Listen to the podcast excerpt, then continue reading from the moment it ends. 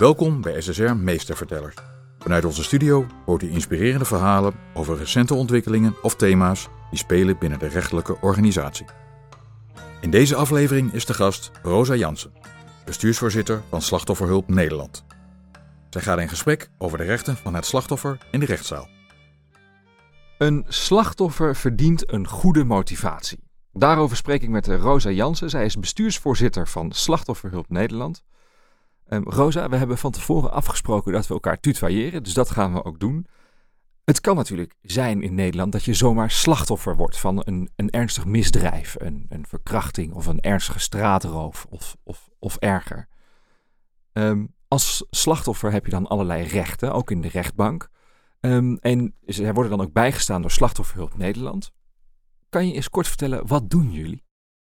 Nou, Slachtofferhulp Nederland is de organisatie die zorgt voor algemene uh, psychosociale en juridische ondersteuning.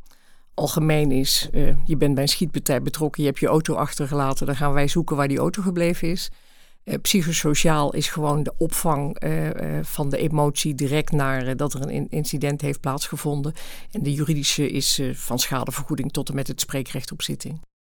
Nou hebben slachtoffers in Nederland hebben eh, veel rechten. Hè? 14 geloof ik, als ik het goed Klopt. heb. Daarvan eh, zijn een aantal heel, heel belangrijk. Daar, daar staan jullie ook voor. Kan je eens de voor, voor jou belangrijkste noemen waar je het vandaag over wil hebben? Nou ja, het zijn inderdaad 14 rechten. Ik denk een van de hele belangrijke is uh, het recht op informatie zodat je je goed kunt voorbereiden op een zitting. Ook voor jezelf weet wat er in, uh, precies in een zaak aan de hand geweest is. Wat ook andere getuigen verteld uh, hebben. Uh, verder is bijvoorbeeld een contactverbod. Het vragen van een contactverbod heel erg belangrijk. Hè? Je bent bang van de verdachte of naar de hand van de dader. En je hoopt uh, dat je kunt vragen dat hij bijvoorbeeld niet in jouw straat uh, kan, kan komen. Maar gewoon ook rechten op het spreekrecht is een belangrijk recht voor slachtoffers. En het recht op schadevergoeding. Ja, want het recht op schadevergoeding, dat, dat kan iemand vragen. Die, die zegt dan eigenlijk, ik heb iets heel ernstigs meegemaakt. Uh, nou, de materiële schade die is vaak wel makkelijk te verhalen, maar iemand kan ook immateriële schade vragen. Dus uh, dat je een trauma hebt overgehouden aan datgene wat gebeurd is. Um, hoe zit het met dat, met dat vragen van zo'n schadevergoeding? Nou ja, dat kun je in een procedure doen. Soms komt het ook al aan de orde wanneer een officier van justitie een, een zaak in de voorfase afdoet. En dan kun je inderdaad materiële, immateriële schadevergoeding uh, vragen.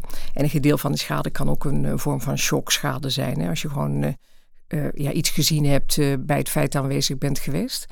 Um, nou, daar, daar, moet een begroting van gemaakt worden. Onze juridische medewerkers die doen dat. En die proberen, ik vat het even heel kort samen, dan zo'n vordering in te brengen als benadeelde partij in een strafproces. Ja. Wordt dat ook altijd toegekend? Hè? Want je hoort wel eens, nou, een slachtoffer heeft dan 50.000 euro gevraagd. Uh, nou, en uiteindelijk als de rechter dan uitspraak doet, dan blijft er maar 5000 euro van over. Um, dat is nogal een verschil. Dat klopt. Uh, uh, dat is voor slachtoffers ook, ook moeilijk te begrijpen. Ook voor medewerkers van Slachtofferhulp Nederland moeilijk uit te leggen. Want dat is eigenlijk een beetje een Russische roulette in Nederland. Uh, om even uit te leggen, Slachtofferhulp Nederland uh, die doet ongeveer 14.000, 15.000 van dit soort vorderingen op jaarbasis. Dat is best heel veel. En wij houden daar ook een jurisprudentiebank van, uh, van bij. Dus wij kijken ook welke argumenten we terug kunnen vinden in uitspraken en, en, wat dat dan in materiële schadevergoeding oplevert. Ja, en er zitten gewoon hele grote verschillen per gerecht en per rechter.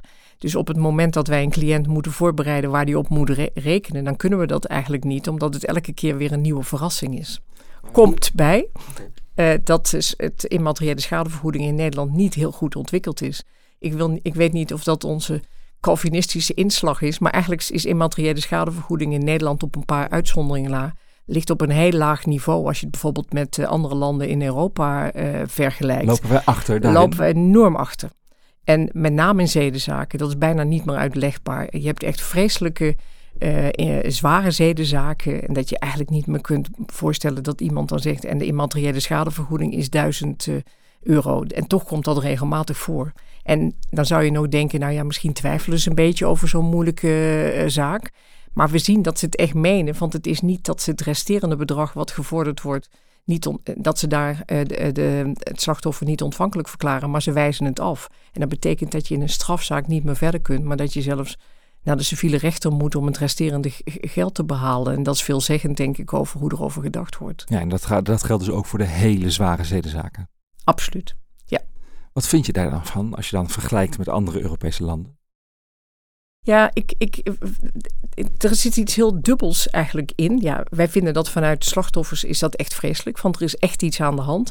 Maar er komt nog bij dat er uh, hele mooie civiele uitspraken van de civiele kamer uh, zijn rechtbank Midden-Nederland heeft er uh, nog niet zo lang geleden een geweest. En die zeggen eigenlijk allemaal dat gezien de maatschappelijke ontwikkelingen in Nederland... gewoon de immateriële schadevergoeding enorm is achtergebleven. En dat rechters daar iets, uh, iets aan moeten doen. Dat ze We gewoon, zijn gewoon veel zuinig hoger- als Nederlanders. Ja, maar het is wel heel vreemd dat civiele collega's dat eigenlijk zeggen... en dat dat dan in strafzaken niet wordt opgevolgd.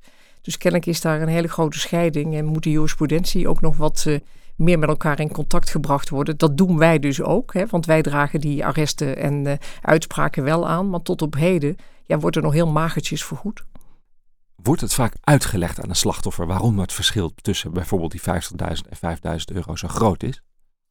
Nou ja, er is, er is een hele goede wettelijke onderbouwing. Er is een wettelijke regel voor dat, uh, dat een rechter ge, geacht wordt een begroting te maken. Hè, zeker van die immateriële uh, schadevergoeding en... Uh, daar een inschatting van te maken wat ongeveer de hoogte van die schade zou uh, moeten zijn. De Hoge Raad heeft gezegd dat, dat wordt je geacht te motiveren naar billijkheid. De Hoge Raad heeft die billijkheid wel uitgelegd, want die zegt dan zou je moeten kijken naar de omstandigheden van het geval. En je moet erbij betrekken wat rechters in soortgelijke of eigenlijk in gelijke zaken hebben opgelegd. Dus er is wel een onderbouwing van die billijkheid. Maar dan uiteindelijk kan de, kan de rechter uh, de immateriële schading ofwel de smartgeld opleggen. Maar die kan dan dus opschrijven eh, 5000 euro naar billijkheid. Dat lijkt mij geen uitleg. Ja, onze, onze ervaring vanuit Slachtofferhulp Nederland is uh, dat er behoorlijke willekeur is. We kunnen niet spreken van rechtseenheid op dit, uh, op dit stuk van het, van het strafproces. Omdat er hele grote verschillen zijn. Nou weten mensen mij heel vaak te zeggen, te zeggen... ja, weet je, maar je kunt de ene zaak niet met de andere vergelijken. Maar wij zien ook grote verschillen in dezelfde zaak, in de eerste lijn en in, uh, in hoger beroep vervolgens. Hè. Dus dan heb je het over dezelfde feiten. Uh, we kijken dan ook of hetzelfde feit uh, bewezen is verklaard. En we kijken dan wat er is opgelegd. En dan zijn er nog verschillen van 40, 50.000 euro soms. Dat lijkt me nogal wat. Dat zijn enorme grote bedragen en is ook niet uit te leggen. Nee. Dus we voelen ons altijd ook heel erg ongemakkelijk uh, als, als het slachtoffer dan zegt... ja, maar hoe kan dat nou? Want we hebben het helemaal uitgelegd. We hebben jurisprudentie toegevoegd. We hebben rapporten van de psychologen toegevoegd. Hoe kan het nou dat zo'n rechter daar helemaal niks over zegt? Dan zeggen wij van ja, we hopen het elke keer. Uh, uh, we lokken ze er ook toe uit door hele goede onderbouwing aan te leveren. Maar tot op heden zijn we gemiddeld in de meeste zaken niet verder gekomen dan naar billijkheid. Positieve uitzonderingen daar gelaten van die, uh, die zijn er wel. Kan je daar eens een voorbeeld van noemen? Van zo'n nou ja, positieve uitzondering? Ja, heel recent. Uh, 5 juli van, uh, van dit jaar, 2019, in de zak van Al Anne Famer. Dat is een, uh, een modeluitspraak waarin het gerechtshof in, van Leeuwarden-Arnhem eigenlijk een prachtige uitspraak doen. Waarin ze eigenlijk alle stappen van die immateriële schadevergoeding opsommen. En ook voor alle, uh, in, dat, uh, in dat geval nabestaanden. Het is na, naast de familie, maar het was ook de partner.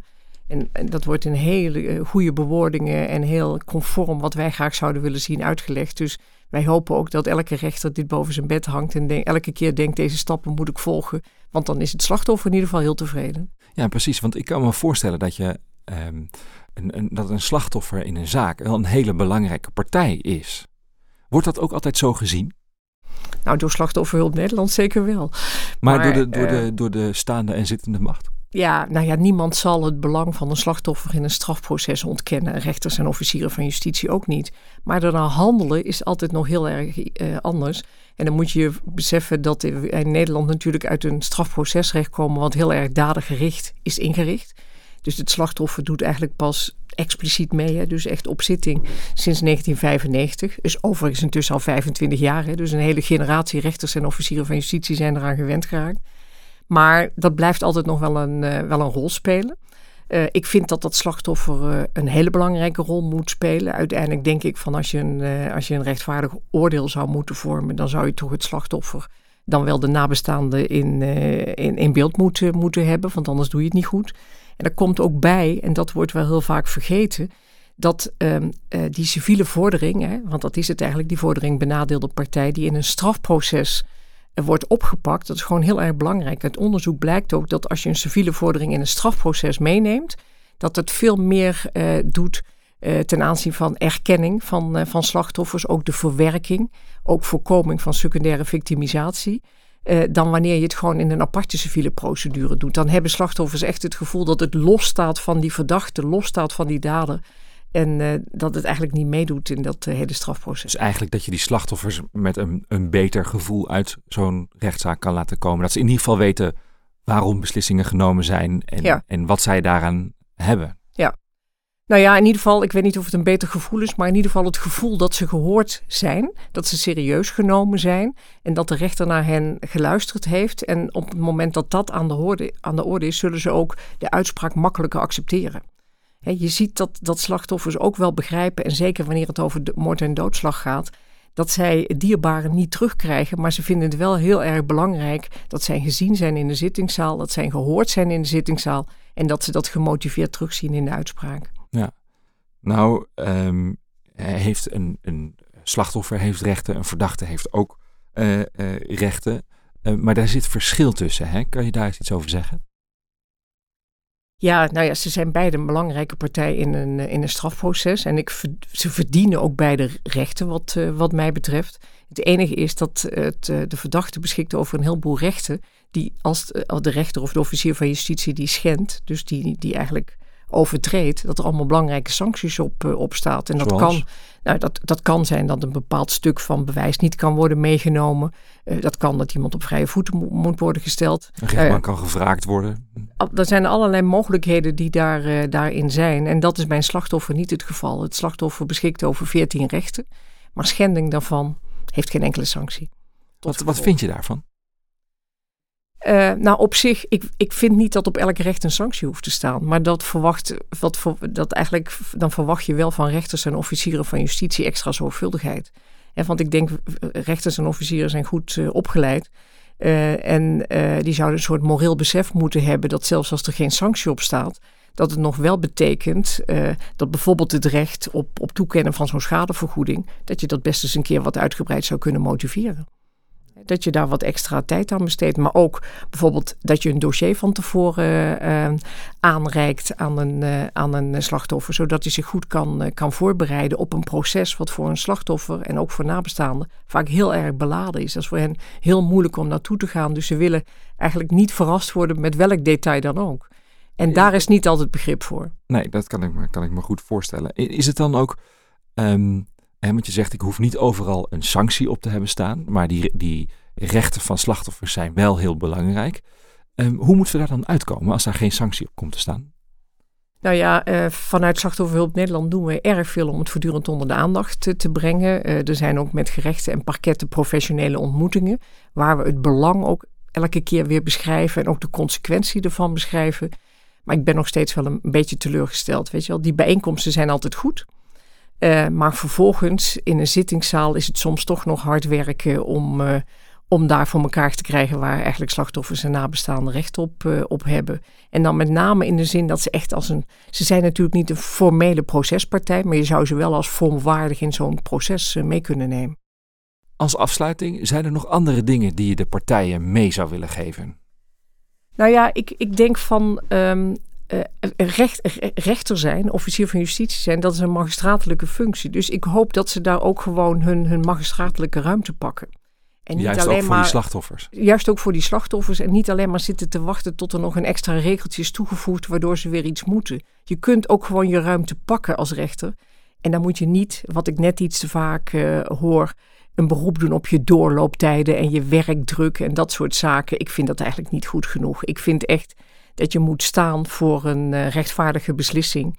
En uh, ja, daar kan, kunnen dit soort eigenlijk bijna administratieve stappen als doorlooptijden toch niet aan in de weg staan. Dus een beetje lef is daarvoor nodig. Een beetje en, proactief opstellen. Proactieve opstelling. En ik denk veel nauwere samenwerking met een organisatie als de onze. Omdat ik denk van, het is een moeilijk onderwerp in materiële schade. Maar op het moment dat we bij elkaar aan tafel gaan zitten, los van een concrete zaak, zouden we ook over bandbreedtes best een heel goed gesprek kunnen voeren. Waardoor het werk toch uh, vereenvoudigd wordt uh, voor rechters en officieren op zitting en voor ons ook.